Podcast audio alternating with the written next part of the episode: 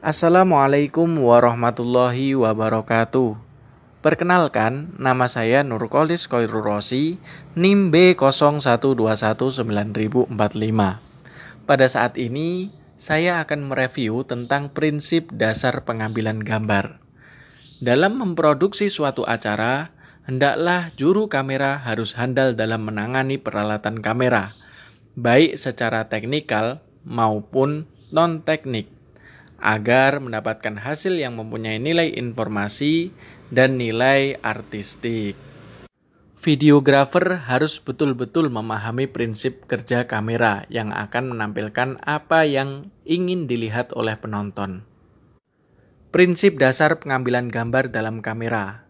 1. Kamera lens, 2. Kamera head, 3. Kamera mounting, 4. Subjek.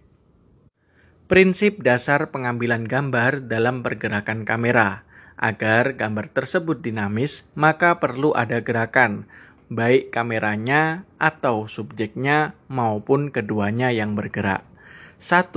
Simple shot 2. Complex shot 3. Developing shot Cara dasar menyangga kamera 1. Menahan kamera dengan tangan 2 meletakkan kamera di atas pundak. 3. Menggunakan penyangga. 4. Meletakkan kamera pada dolly kamera seperti tripod, steadicam, pedestal, dan keren.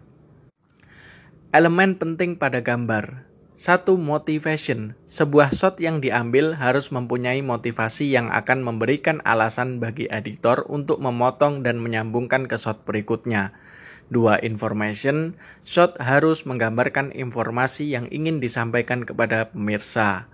Tiga composition, shot yang merupakan pengaturan dari beberapa elemen, yaitu pembingkaian gambar, kedalaman dimensi, subjek, dan objek.